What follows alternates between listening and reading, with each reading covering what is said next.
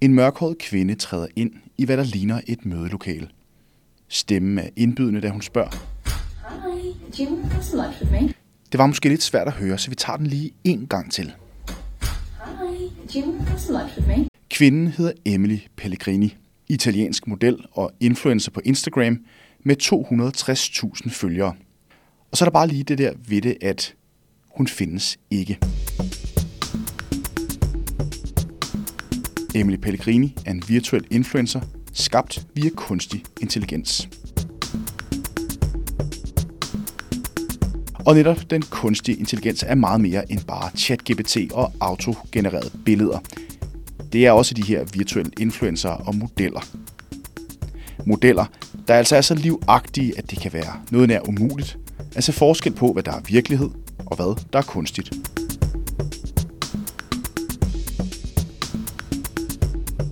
Og lige præcis de her virtuelle influencer vil der kun komme flere af. Og derfor skal vi tage dem seriøst. Det mener i hvert fald dagens gæst i Magtens Tredeling, Jakob Plesner Mathiasen, advokat med speciale i IP og entertainmentret hos Gorsen Fæderspil. Alle kan sidde og lave deres influencer, alle kan sidde og begynde at lave markedsføring, alle kan lægge det op på sociale medier.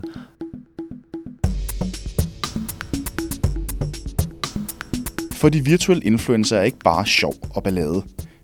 Udviklingen rejser en række juridiske problemstillinger, som udfordrer beskyttelsen af forbrugere og mediebrugere på måder, som lovgivningen slet ikke er gearet til i dag. Lovgivningen har ligesom ikke tænkt på, at hvad nu, hvis det bliver en fuldstændig fiktiv figur? Vi kender det fra tegneserier, vi kender det fra øh, tegnefilm, men så stort er det heller ikke. Måske computerspil, der kan opstå noget sådan helt fiktivt. Men problemet er, at det vi skal beskytte her, det er forbrugerne.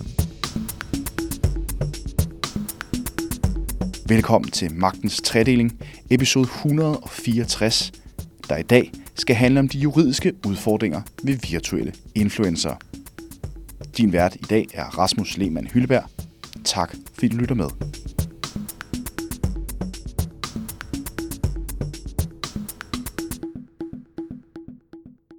Jakob Læsner, velkommen til øh, studiet. Tusind tak. Og øh, jeg har lige været over at dig i kinden for lige at være sikker på, at øh, det altså er den rigtige Jakob og ikke en avatar, en AI, der er her. Øh, du er i levende liv, ikke sandt? Den er god nok, og hvis der er nogle fejl, jeg kommer til at sige eller andet der, så tag det som udtryk for, at jeg er et menneske. Så er det menneskelige fejl, det er godt Præcis. Høre. Først og fremmest, det vrimler jo med influencer på Instagram, TikTok og YouTube og øh, Fanview og OnlyFans og hvad det ellers måtte hedde rundt omkring. Hvorfor er det, vi bør interessere os for, at der er nogle af de her, der er AI-genereret? Man kan sige, for det første er influencerområdet, øh, hvad kan man sige, og har været i utrolig vækst. Det er et stort markedsføringsmæssigt område, og hvis der er et nøgleord rent juridisk med influencer marketing, så er det transparens. Det er virkelig mennesker, eller har været i hvert fald, som reklamerer for produkter. Det er folk, man kan følge på sociale medier, følge deres liv. Men nogle gange er man i tvivl, om de er en reklamesøjle, eller om de er, fordi de egentlig godt kan lide den sweater, de har på. Så det har forbrugermyndighederne sat stor fokus på, at man skal kunne sige, at det er reklame, hvis det er reklame. Med kunstig intelligens, så har man fået en ny øh, parameter i den her diskussion.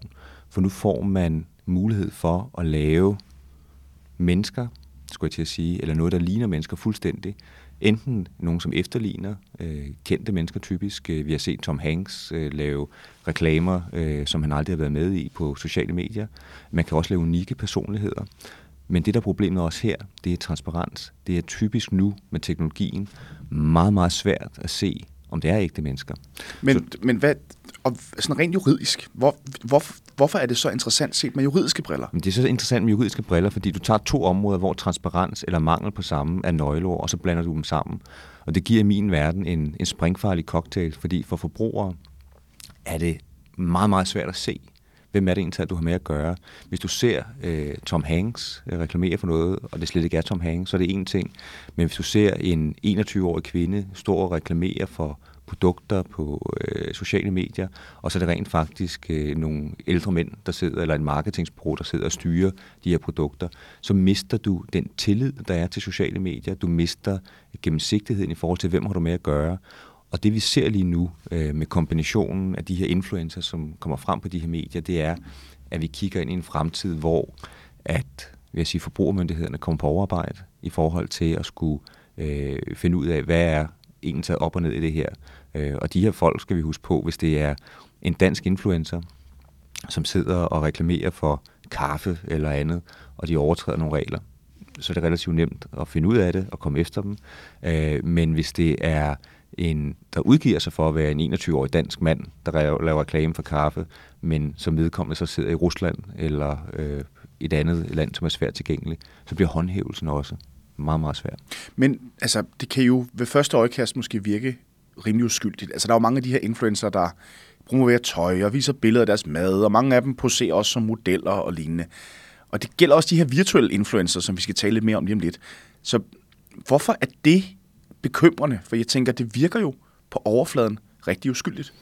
Ja, jeg siger, der er meget af det, der ikke er uskyldigt. På overfladen kan man godt sige, det er sjovt, og lige nu er der sådan en hype omkring AI, hvor man siger, jamen, for mange vedkommende, jeg kan også selv blive grebet af den, det er fantastisk, hvad man kan skabe på, øh, på kort tid, som ligner fuldstændig professionel kvalitet.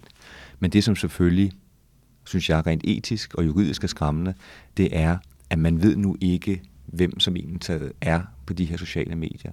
Øh, nogle af de influencer, vi kommer tilbage til, der kan det i hvert fald afsløre, at der er mange, som har interageret med dem, som ikke har haft den fjerneste anelse om, at det har været, øh, hvad kan man sige, øh, kunstig intelligens, nogle virksomheder eller andre, som har udgivet sig for den her person. Så jeg tror, ligesom normalt, når man færdes på sociale medier, at man skal være opmærksom på, hvem er det, der egentlig gemmer sig bag den her profil, så hele den tillid, som man måske har opbygget til Øh, øh, på nettet, øh, den står altså øh, over for nogle, nogle udfordringer. Og så giver det også nogle andre spørgsmål i forhold til bias, i forhold til, øh, hvad kan man sige, etik, øh, fordi nu kan man sidde øh, både juridisk og lave ting, man ikke skal, øh, og udgive sig for at være andre, men man kan jo også, øh, hvad kan man sige, få øh, reproduceret bias eller lignende øh, gennem at udgive sig for at være, hvis man er en øh, bestemt virksomhed, eller hvis man er, har en bestemt holdning, så kan man så, hvad kan man sige, give øh, hvad kan man sige, yngre folk, øh, mænd eller kvinder, øh, de holdninger, sådan så de, man begynder at få reproduceret en eller anden form for, for bias, også gennem noget, som måske er udgivet sig for hverandre. Ikke? Mm.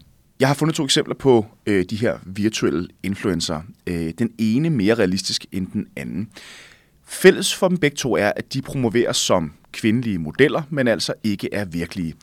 Den første er spanske Aitana Lopez, og læg mærke til AI Tana, Aitana Lopez, der i skrivende stund har 263.000 følgere på Instagram, og som vurderes at tjene op mod 13.000 dollars hver måned som influencer. Hvad er interessant ved den her profil? Der er meget interessant ved den profil. For det første er det i hvert fald helt åben, at det firma øh, i Barcelona, som har lavet det, det er et marketingbureau. Clueless? Øh, ja, som har lavet det, øh, fordi de var trætte af, at de her modeller, influencer, nu er det en model, de har taget her, øh, en ung kvinde, øh, at de stillede krav. Øh, de skulle have betaling, de skulle have rettigheder, de ville ikke arbejde 24 timer i, i døgnet. Og så sagde de... De havde måske også etiske kvababbelser over, hvad man måtte reklamere for. Præcis, øh, hvilket jo er i den grad øh, fair. Øh, men nu kunne de lave, tænkte de, øh, vi kan komme tilbage til, hvordan man gør det, for de juridiske er der en masse faldgrupper der, men de sagde, jamen lad os prøve at træne AI til at lave en, en kvinde med lyserødt hår, ung, øh, attraktiv, øh, og efter nogle øh, af deres opfattelse af, hvordan en kvinde øh, skal se ud, øh, og øh, så skal det ikke betales nogensinde for brugen. Øh, Øh, der er intet, der skal clears. Den kan stå og køre 24-7. Hvis den skal lave øh, pornografisk materiale eller lignende, jamen, så kan man også øh, gøre det og stille det til rådighed. Så man kan sådan set gøre alt med den her figur. Der er ingen grænser, og man sparer penge. Og på overfladen, hvis jeg tænker, øh, de har siddet med deres marketingsafdeling så, og økonomiafdeling, så hold op, vi har lige sparet øh, alle vores øh, øh, udgifter. Vi har ikke nogen øh, fagforeninger, vi skal lægge arm med mere. Der er ikke noget, der hedder overenskomst, fordi det er der heller ikke. Det er da fantastisk. Men det giver en række øh, juridiske og etiske udfordringer. Juridiske kan vi komme tilbage til, men jeg kan tage et andet eksempel, som var op øh, her for inden for den sidste måneds tid. Øh, det kan nemlig også give sådan en, øh, en shitstorm. Øh, vi havde i et, øh, et, øh, inden for bilsport et, øh, i Formula E, øh, der havde man en øh, øh, avatar, der hed Ava, der var et hold, der hed øh, Mi Handra, som havde, i stedet for at tilknytte i det her tilfælde en en kvindelig journalist øh, til at dække øh, det her øh, Formel E-hold, så havde man så lavet deres egen avatar. Og øh, jeg kan afsløre, at der gik to dage, øh, fra man havde lavet den, til den blev nedlagt, fordi at brugergruppen simpelthen sagde, hvorfor pokker ansætter I ikke en ægte øh, person, ægte kvindelig øh, journalist til at dække det her?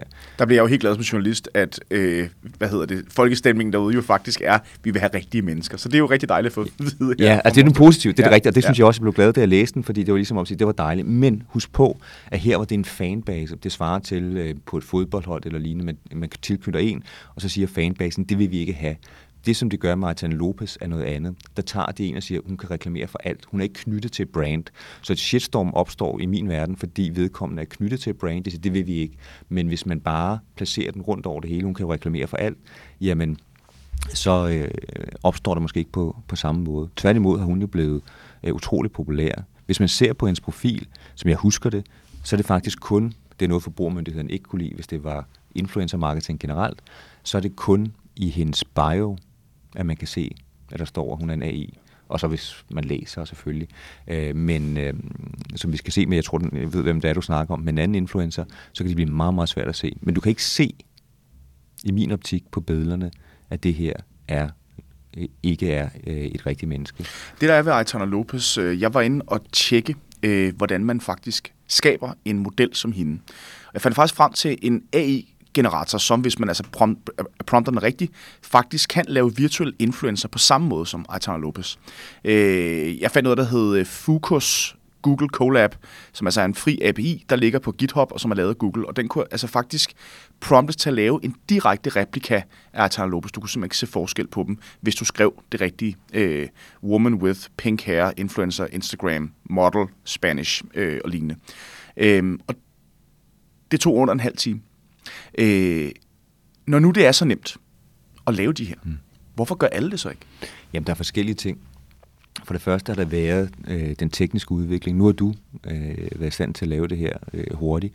Øh, men det er faktisk først inden for, vil jeg sige, måneder, at den her teknologi er kommet frem. Fordi dem, som har prøvet at bruge billedprogrammer som for eksempel Midjourney eller DALI 3, som er rigtig dårlige til det, de har fundet ud af, øh, hvis man skriver den samme prompt, så kommer der typisk forskellige billeder. Så hvis du går ind og skriver den her prompt, en kvinde med lyserødt hår i Midjourney eller andre, så vil den hver gang lave noget forskelligt. Men så er der kommet programmer frem, som gør det, at hvis du giver den en række, for eksempel billeder, øh, eller lignende en billedserie, og så beder den om at træne på de billedserier. Altså en face swappe, som det hedder.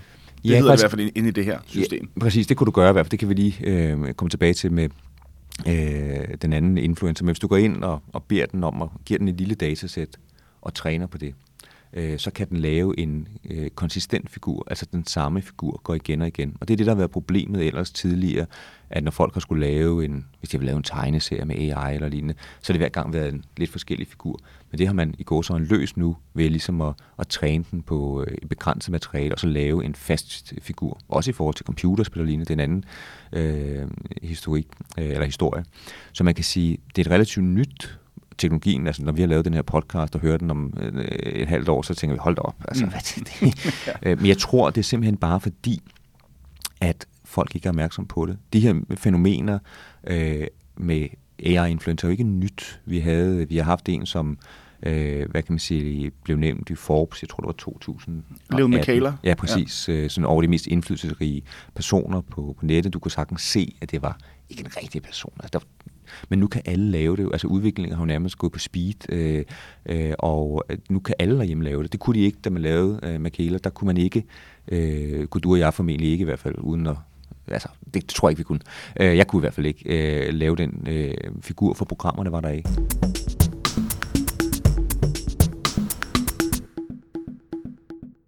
Så lad os lige prøve at tage det næste eksempel, for det synes jeg var helt vildt. Altså, jeg var lige ved at tabe næse og mund, da jeg fandt den her øh, hvad hedder det, profil på Instagram. Øhm, hendes profil er spækket med, det er ikke stills, altså det er ikke bare billeder, hvor man kan se en, et, altså et virtuelt menneske i fokus, og så en sløret baggrund, der kunne ligne en hvilken som helst strand eller lufthavn eller lignende. Det her, det er altså øh, videoer. Hun hedder Emily Pellegrini og skulle efter sine være en italiensk øh, supermodel. Øh, hun går og taler, poserer som var hun et rigtigt menneske. Øh, jeg har simpelthen jeg har prøvet at vise den her øh, hvad, til flere på min redaktion, også flere i min afdeling på i hele virksomheden. Det er simpelthen ikke muligt at se forskel på, om hun er, altså du kan simpelthen ikke se, om hun er ægte eller ej. Øh, der er få videoer af hende, hvor man godt kan se, at det er en lille smule fake, fordi hun er simpelthen for altså børstet på en eller anden måde. Øh, hvorfor er et eksempel som hendes problematisk set med juridiske øjne? Igen, det er problematisk på, på rigtig mange øh, områder. Vi kan, juren kan vi lige gå i dybden med, fordi hvordan man træner de her, hvordan man, øh, hvad kan man sige, med, øh, med træningssæt øh, skaber de her modeller, det kan rent juridisk være et problem. Øh, også i forhold til, hvis man efterligner øh, konkrete personer. Det er så, der er mange problemstillinger der. Men hvis man kigger på, øh, hvorfor det er problematisk her, så det er helt tydeligt med hende her, som du siger, det er svært at se, om øh, hun er ægte eller ej, og der er øh, hvad kan man sige, mange sjove historier på nettet i hvert fald om fodboldspillere. Øh, som, Milliardærer. Ja, som har inviteret hende ja. ud. Så de ved i hvert fald ikke, øh, blot som eksempel, at hun er en AI, og øh, jeg tror heller ikke, at almindelige øh, brugere umiddelbart vil se det. Man kan simpelthen ikke se det. Jeg tror så, at de har, øh, som jeg har forstået det, snydt lidt her med teknologien, fordi nogle af de billeder, øh, eller videoer, undskyld, som de lægger frem, er faktisk, tror jeg, hvor de har face-swappet selve ansigtet, sådan så selve personen, altså der er faktisk det, vi kalder deepfakes, fordi de bruger en rigtig person, de lægger bare øh, et andet ansigt på, ligesom man øh, også kan se inden for andre, øh, hvad kan man sige... Men det er jo helt ned til skyggerne. Det er ja. jo helt ned til, hvordan hun åbner og lukker en dør, og skyggerne, der falder rigtigt i forhold til lyset på kontoret og sådan noget. Det er helt vildt. Det er helt vildt. Og man skal bare huske på, at det er altså ikke, det du ser der, er ikke en kvinde. Det er, hvordan øh, nogle personer, øh, jeg kunne forestille mig, det er mænd eller øh, hvad kan man sige, firmaer, mener, at øh, en italiensk kvinde skal se ud. Så det er deres kvinde i dag. Jamen, faktisk faktisk har de spurgt ChatGPT øh, om at skabe den perfekte kvinde set med mandens øjne. Og på baggrund af det har AI'en, ChatGPT, så øh, kommet med øh, et eksempel, som altså er Emily Pellegrini her. Ja, og det er jo et andet problem, fordi det er jo det, øh, hvad kan man sige, hele AI er jo biased i forhold til, hvad det er trænet på. Og øh, der er flere øh, elementer i det, fordi...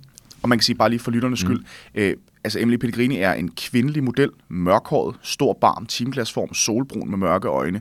Øh, altså, det viser vel meget klart, at det her er der er en kæmpe bias i det her. Der er en kæmpe bias i det, og der er faktisk, øh, hvad kan man sige, øh, mange forklaringer på det. For den første er, at det træningssæt, som de her AI-motorer er trænet på, det kun øh, det reproducerer sig selv. Det vil sige, hvis det er trænet på, at det er sådan, den mener, at, at kvinder øh, skal se ud, eller mænd skal se ud, for der er også mandlige AI-influencer, øh, så er det det, den bliver ved med at reproducere. Men tjenesterne er faktisk, det ser vi med, med nogle af dem, fordi det er blevet lækket, de lægger så et filter ind nu, at de begyndt på. For der er ting, den ikke vil have, man laver. Hvis du beder om et billede af Donald Trump, så er der nogle af tjenester, der siger, det kan du ikke, bede om noget andet. Eller hvis du beder om et billede af en, øh, øh, vi har haft en podcast herinde med øh, advokater og dommer øh, øh sammen med, med Dan, hvor øh, at Dan prøvede at, at lave øh, forskellige billeder, og jeg kan afsløre, at alle dommer, de var mænd. Øh, og øh, øh, og den måde, som man portrætterede folk på. Øh, de mandlige advokater, som typisk kom frem, stod i en retssal, så seriøse ud. Øh, den kvindelige advokater, de sad i en bar, var nedringet, sad nærmest i kjoler. Altså, så det, det var dens opfattelse.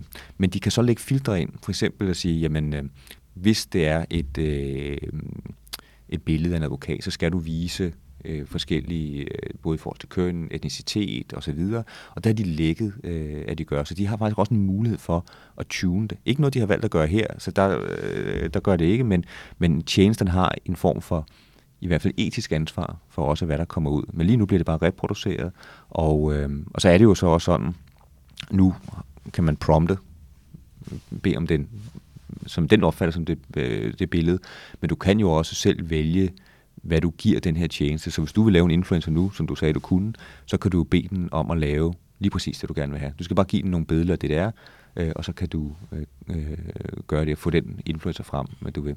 Den der reproduktion der, jeg mm. er simpelthen nysgerrig på at høre, når det er mænd, der fortrinsvis sidder og laver de her kvindelige influencer, risikerer vel at, eller det er i hvert fald øh, en påstand, en hypotese, jeg godt lige vil afprøve på dig, Jacob.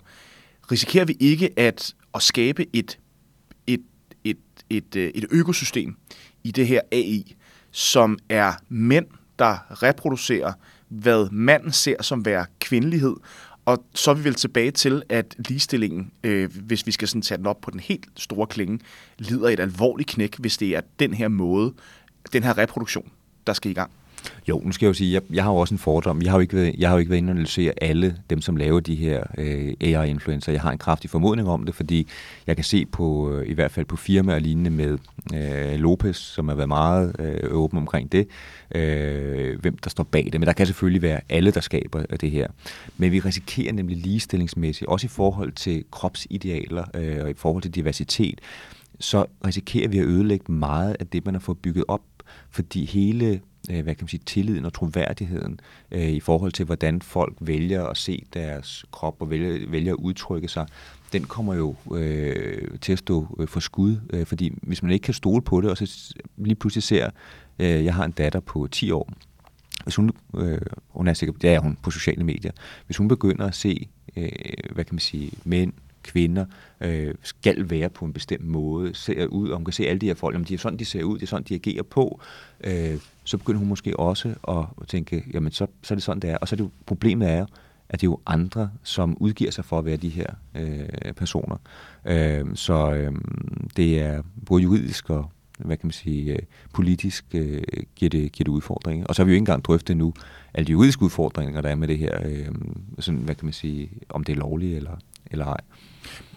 Og inden vi kommer til det, så jeg vil simpelthen nysgerrig. Der er også det her, øh, øh, at du nævnte det før, øh, Clueless, som jo altså det her bureau, der står bag den første model, vi taler om, Aitana Lopez. Så de beskriver, som du sagde, at de skabte Lopez, fordi de simpelthen alt for mange gange havde oplevet problemer i kommersielle aftaler med rigtige influencer.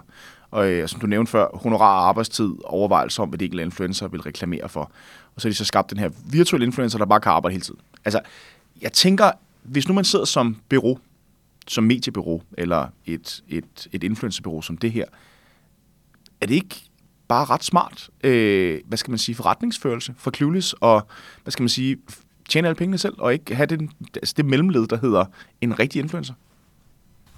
Det, altså, alle brancher kommer jo til at være under pres øh, af det her, om det så er advokatbranchen, eller det er tage oversætter for eksempel med kunstig intelligens, øh, øh, og modelbranchen øh, kommer også til at være under pres. Så på den måde øh, kan man sige, er det selvfølgelig øh, en udvikling, hvor det her det vil ske.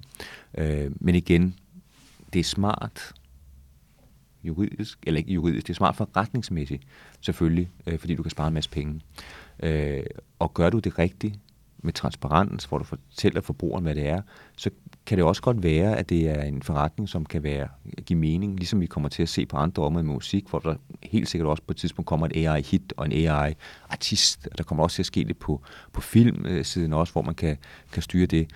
Det, som jeg bare tænker på, øh, det er alle de skræmmescenarier, øh, som opstår.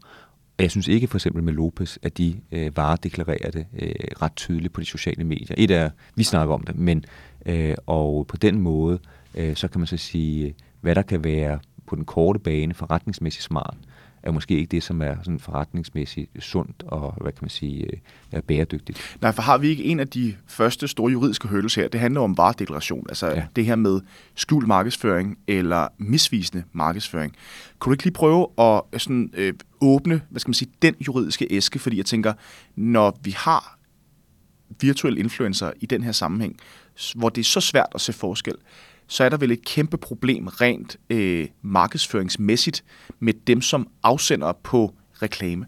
Fuldstændig. Altså, der er to øh, store problemstillinger. Normalt, øh, når man kigger på øh, de her personligheder på nettet, har det altid været at beskytte den, som bliver afbildet. Meget af vores lovgivning handler faktisk om det. De har alle sammen taget hensyn til, uh, der er en person på et billede. Hvordan gør vi noget for at beskytte den person? For på en eller anden måde må det være en efterligning af en ægte person. Men lovgivningen har ligesom ikke tænkt på, at hvad nu, hvis det bliver en fuldstændig fiktiv figur? Vi kender det fra tegneserier, vi kender det fra øh, tegnefilm, men så stort er det heller ikke. Måske computerspil, der kan opstå noget sådan helt fiktivt. Men problemet er, at det vi skal beskytte her, det er forbrugerne. Og som du siger med de markedsføringsmæssige problemer, jamen så bliver det, øh, hvad kan man sige, det er jo de almindelige regler, der gælder. Det vil sige skjult reklame, øh, god markedsføringsskik, det gælder også her.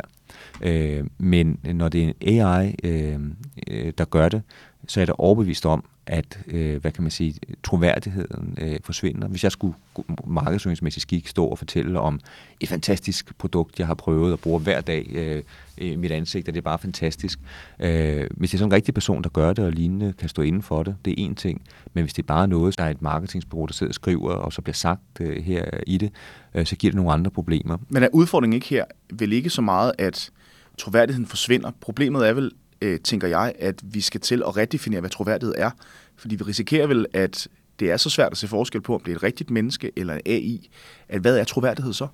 Præcis, og du har jo også med, altså problemstillingen her, det bliver, øh, hvad kan man sige, transparens, det bliver i forhold til øh, hele det her reklame, øh, hvad kan man sige, øh, tsunami, som kommer til at ramme dig.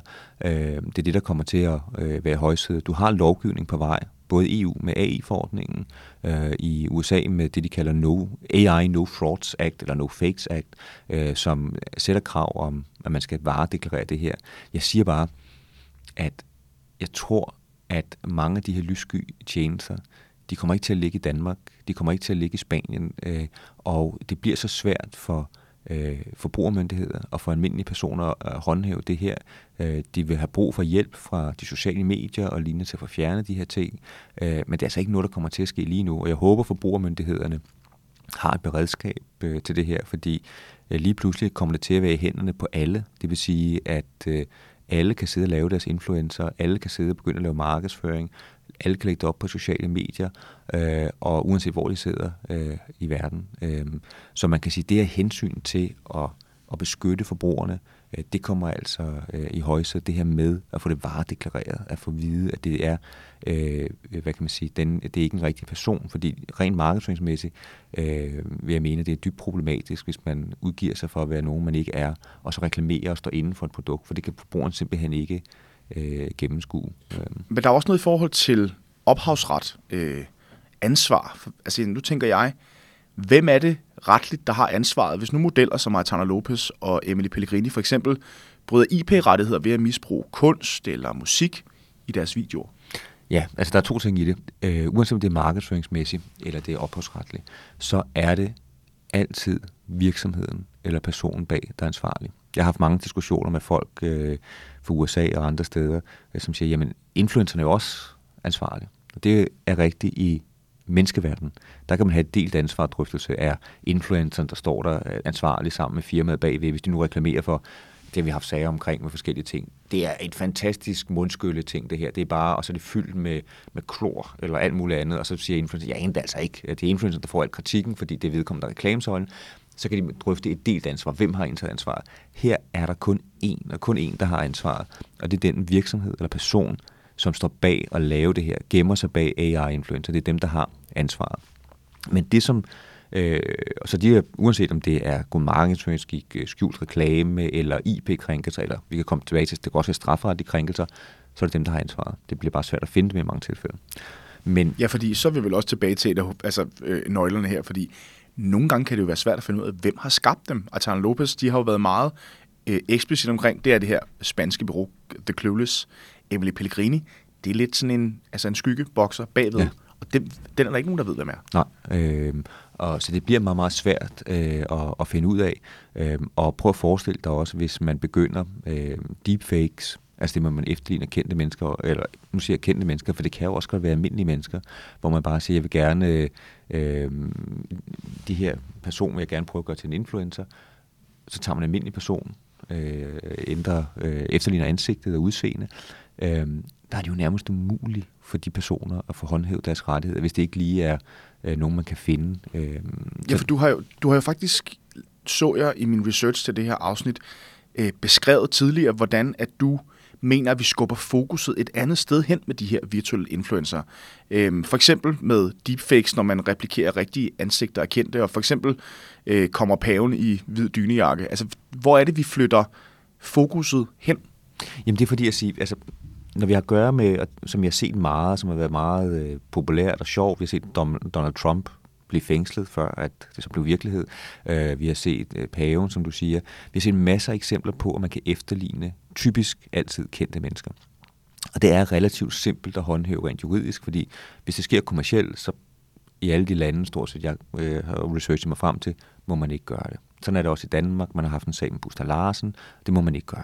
Øh, så det giver relativt sig selv. Men der beskytter man igen den, der bliver afbildet. Men det er, når det er de her rene personer, så er der ikke nogen, man beskytter. De har ikke nogen rettigheder.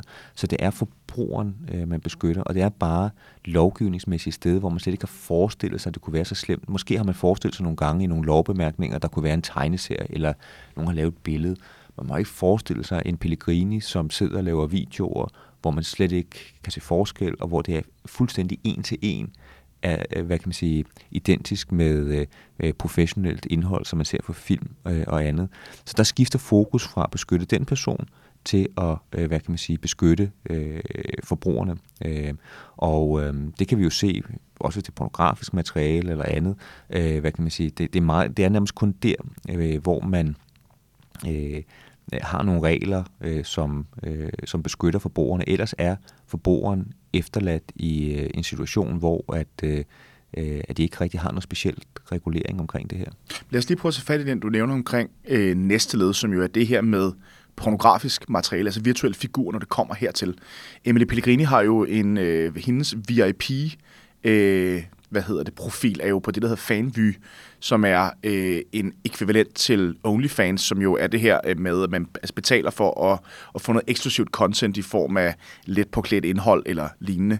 Øh, og der er vi vel efterhånden ved at være der i sådan et grænseland, hvor at øh, det vil jo er en virtuel figur, der laver soft porn eller lignende pornografisk materiale. Hvordan er lovgivningen i forhold til for eksempel beskyttelse, når vi kom, altså når vi tager det ud i næste led, som er børnepornografi eller lignende, hvis man skaber det med virtuelle figurer? Fordi der er vel ret beset ikke nogen, der lider overlast?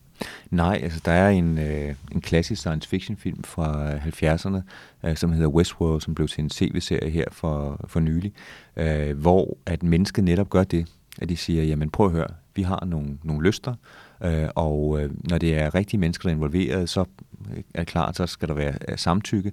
Men hvis jeg øh, i den her film, er det robotter, øh, har lyst til at være med i en western, eller har lyst til at være med i, en, øh, hvad kan man sige, en ridderfilm, øh, og har lyst til at hele tiden vinde og slå øh, modstanderen ihjel, øh, så skyder de alle de her AI-robotter, øh, og de øh, har også, øh, hvad kan man sige, øh, seksuelle øh, forhold til dem og lignende. Der er ikke nogen, der skal spørge som lov. De kan bare gøre, hvad de vil. Det er det vilde western, øh, øh, meget øh, sigende i forhold til, til titlen. Det ender med at gå helt galt, fordi øh, den her AI-teknologi går oprør. Men den her menneskelige måde at se det på med at sige, der er ikke nogen, der har rettigheder. Jeg kan gøre, hvad jeg vil. Pornografisk materiale, eller, eller hvad jeg, jeg, jeg kan skabe det, eller lignende. Øh, det begynder man at se også her. Og der er jo kæmpe forskel igen på lovgivning på de her områder typisk strafferetligt, beskytter jo igen den person, som bliver afbildet. Hvis det er hævnporno, hvis det er personer, som bliver efterlignet, hvis man tager Taylor Swift og bruger hende i pornografisk materiale med at facewappe hende til, øh, øh, til en almindelig film, så beskytter man det. Det må man ikke gøre. Men beskyttelseshensynet forsvinder jo her, fordi der er ikke nogen person som udgangspunkt, hvis man ikke har trænet det på billeder af rigtige mennesker, øh, man beskytter. Så alle de hensyn, som loven har lagt op, de forsvinder. Det eneste hensyn, man har tilbage, det er, at der kan findes former for pornografi, for eksempel børneporno, hvor man siger, at det vil vi ikke have øh, i samfundet. Vi vil slet ikke have, at man øh, kan, øh, og det har man også, øh, som jeg, øh, det er ikke mit øh, ekspertise i strafferetten, men som jeg kan forstå, har man også lovgivningsmæssigt netop taget, hvis det er computerspil, grafiske efterligninger, som siger, det vil vi, det vil vi ikke have. Så på enkelte områder, nicheområder, der har man sagt, der beskytter vi samfundet mod det her materiale. Men sådan nogle regler har du jo ikke medmindre det er ekstremt, øh, hvor man sender det ud til folk, så har man det jo ikke med almindeligt pornografisk materiale. Det må man jo som udgangspunkt godt, øh, hvad kan man sige, dele øh, eller andet. Øh, så det er meget, meget få regler, hvor man beskytter mod det, og det giver jo nogle muligheder nu, både etisk og juridisk, for igen, det kan blive oversvømmet øh, af det her øh, materiale, og har vi overhovedet øh, klar til, sociale medier har deres egne filtre, men er vi ellers klar til, øh, til hvad der kommer til at ske her? Jeg kunne godt, øh, jeg kunne godt tvivle på det. Øh, det må jeg sige. Hvordan er vi gearet rent øh, sådan EU-retligt? Jeg ved, der er jo både et AI-act, som du nævnte også, øh, hvad hedder det, øh, altså noget lovgivningsarbejde fra EU øh, tidligere. Hvordan forholder man sig til de her risici, når øh, vi tager turen til Bruxelles? Jamen, fra Bruxelles side har man, øh, hvad kan man sige, prøvet at kigge ind i krystalkuglen. Man har jo blevet enige om den første rigtige, ser bort fra Kina øh, og en lille smule for det hvide hus, den første rigtige sådan, øh, lovgivning øh, på det her for hele EU'en da. øh, den kommende AI-forordning. Problemet med AI-forordningen, det er, at det er svært at kigge ind i krystalkuglen, når udviklingen går så stærkt. Så man har lavet øh, kravet omkring transparens, kravet omkring, at ting skal varedeklareres. Den er faktisk, som AI, den er faktisk ret god, men man har tænkt på det som deepfakes, altså man skal kunne se, når nogen er efterlignet. Man har ikke beskyttet, øh, hvad kan man sige, øh, dem, øh, som bliver afbildet for eksempel på, hvad er det så, der skal øh, reguleres, hvordan skal de øh, beskyttes. Man har bare sagt varedeklarationen. Så jeg vil sige, man har ikke tænkt på den her form for rene øh, AI-influencer. Man har ikke tænkt på, øh, hvad teknologien kan. Øhm, Men betyder det, at loven eller forordningen allerede er forældet? På det her område kan man sige, vi jeg ikke sige, at den er forældet. Øh, der er bare et hul. Øh, og det er jo ikke et europæisk øh, problem, det er et problem på, på verdensplan. Øhm, og øh, det er et problem, hvor man må se at få håndteret det, øh, øh, hvordan man kommer til at regulere det. Og så tror jeg, meget af det igen, kan jo godt håndteres af de gældende regler, hvis de bliver håndteret godt, fordi alt hvad øh, influenceren gør, for eksempel er ulovlig markedsføring, det er selvfølgelig stadigvæk noget, der kan øh, man kan komme efter. Det kræver bare, at forbrugermyndighederne også i hvert fald øh, er givet til det, og allerede nu har de forskellige taskforce på plads, som kan gå ind og monitorere det her område, og hurtigt kan, øh, kan slå ned og få kørt prøvesager. Det bliver bare svært, øh, medmindre de sociale medier tager ansvar, så bliver det svært, hvis de her tjenester ligger i, i lande, hvor beskyttelsesniveauet er, er ikke eksisterende. Øh, så øh, jeg vil sige, at på nogle områder tror jeg, jeg tror altid på, at loven er rummelig, at man kan sige, at den kan, den kan rumme meget, hvis man bare fortolker den rigtigt og fleksibel. På den måde med de optimistiske briller, øh, så, så tror jeg, man kan komme efter meget. Men den er ikke gearet til det her. Øh, og jeg er mest nervøs faktisk, selvom jeg har advokatbaggrund og jurist og elsker jure, så er jeg faktisk mest bekymret for de etiske øh, udfordringer, det kan give det her, fordi man nu kan gemme sig bag de her personer, og er meget af det, som sagt, troværdighed, øh, vi har opbygget på øh, sociale medier efterhånden. Øh, øh, det, øh, det, kan, det kan stå øh, for, for skud nu. Øh, så det, det, det bliver en øh, på alle måder øh, skræmmende og spændende tid på det her område. Der er vel også en, en pointe i forhold til, øh, vi står øh, et sted, hvor at menneskerettighederne lige har fyldt 75 år i december sidste år. Øh, hvordan er vi mennesker stillet rent retligt, altså vores grundlæggende rettigheder, når vi har svære og svære ved at skælne, hvad der er ægte og hvad der er kunstigt. Hvordan er vi så stillet? Og jeg ved godt, det er sådan et meget eksistentielt spørgsmål, men det er vi vel nødt til at forholde os til på et tidspunkt.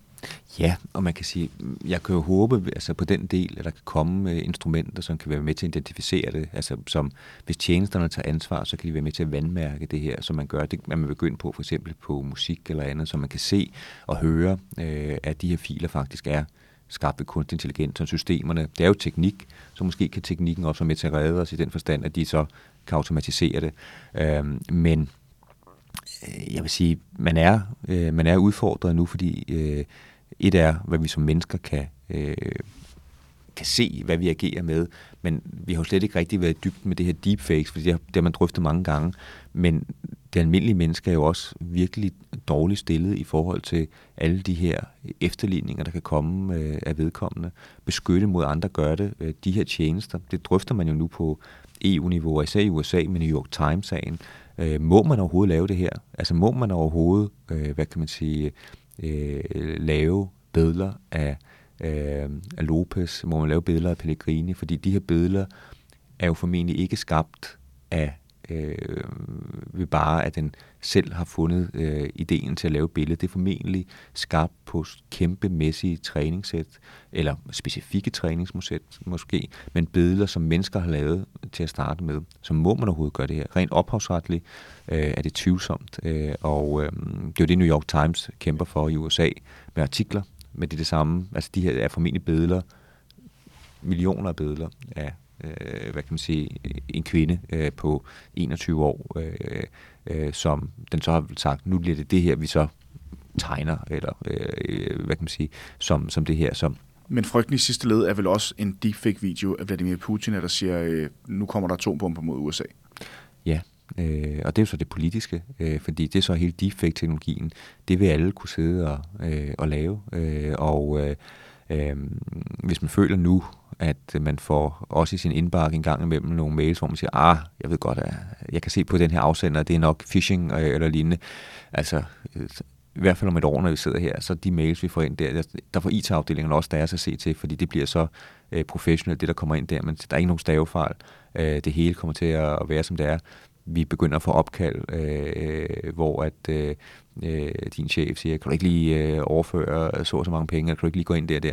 Du vil ikke kunne høre forskel nu. Det er jo så nemt at lave det her, så tilliden politisk, etisk, men også forretningsmæssigt, der vil komme til at være så mange eksempler på, at, øh, at folk falder i øh, og tror på, på det her. Så fake news øh, øh, har kun set, øh, vi har kun set toppen af isbjerget om det, tror jeg. Så er det godt, at vi her på K-News kun laver real news med rigtige mennesker. Præcis. Præcis. Jakob, uh, tusind tak, fordi du kom i studiet og gjorde os lidt klogere på AI. En fornøjelse, og tak for alt jeres arbejde på podcastmediet. Det er fremragende. Mange tak skal du Tak fordi du lyttede med på dette afsnit af Magtens Tredeling, podcasten om jurans verden. Du kan som altid finde hele vores katalog af podcasts i din foretrukne podcast-app. Magtens Tredeling er en del af K-News og produceret af Karner Group. Vi lyttes ved i næste uge.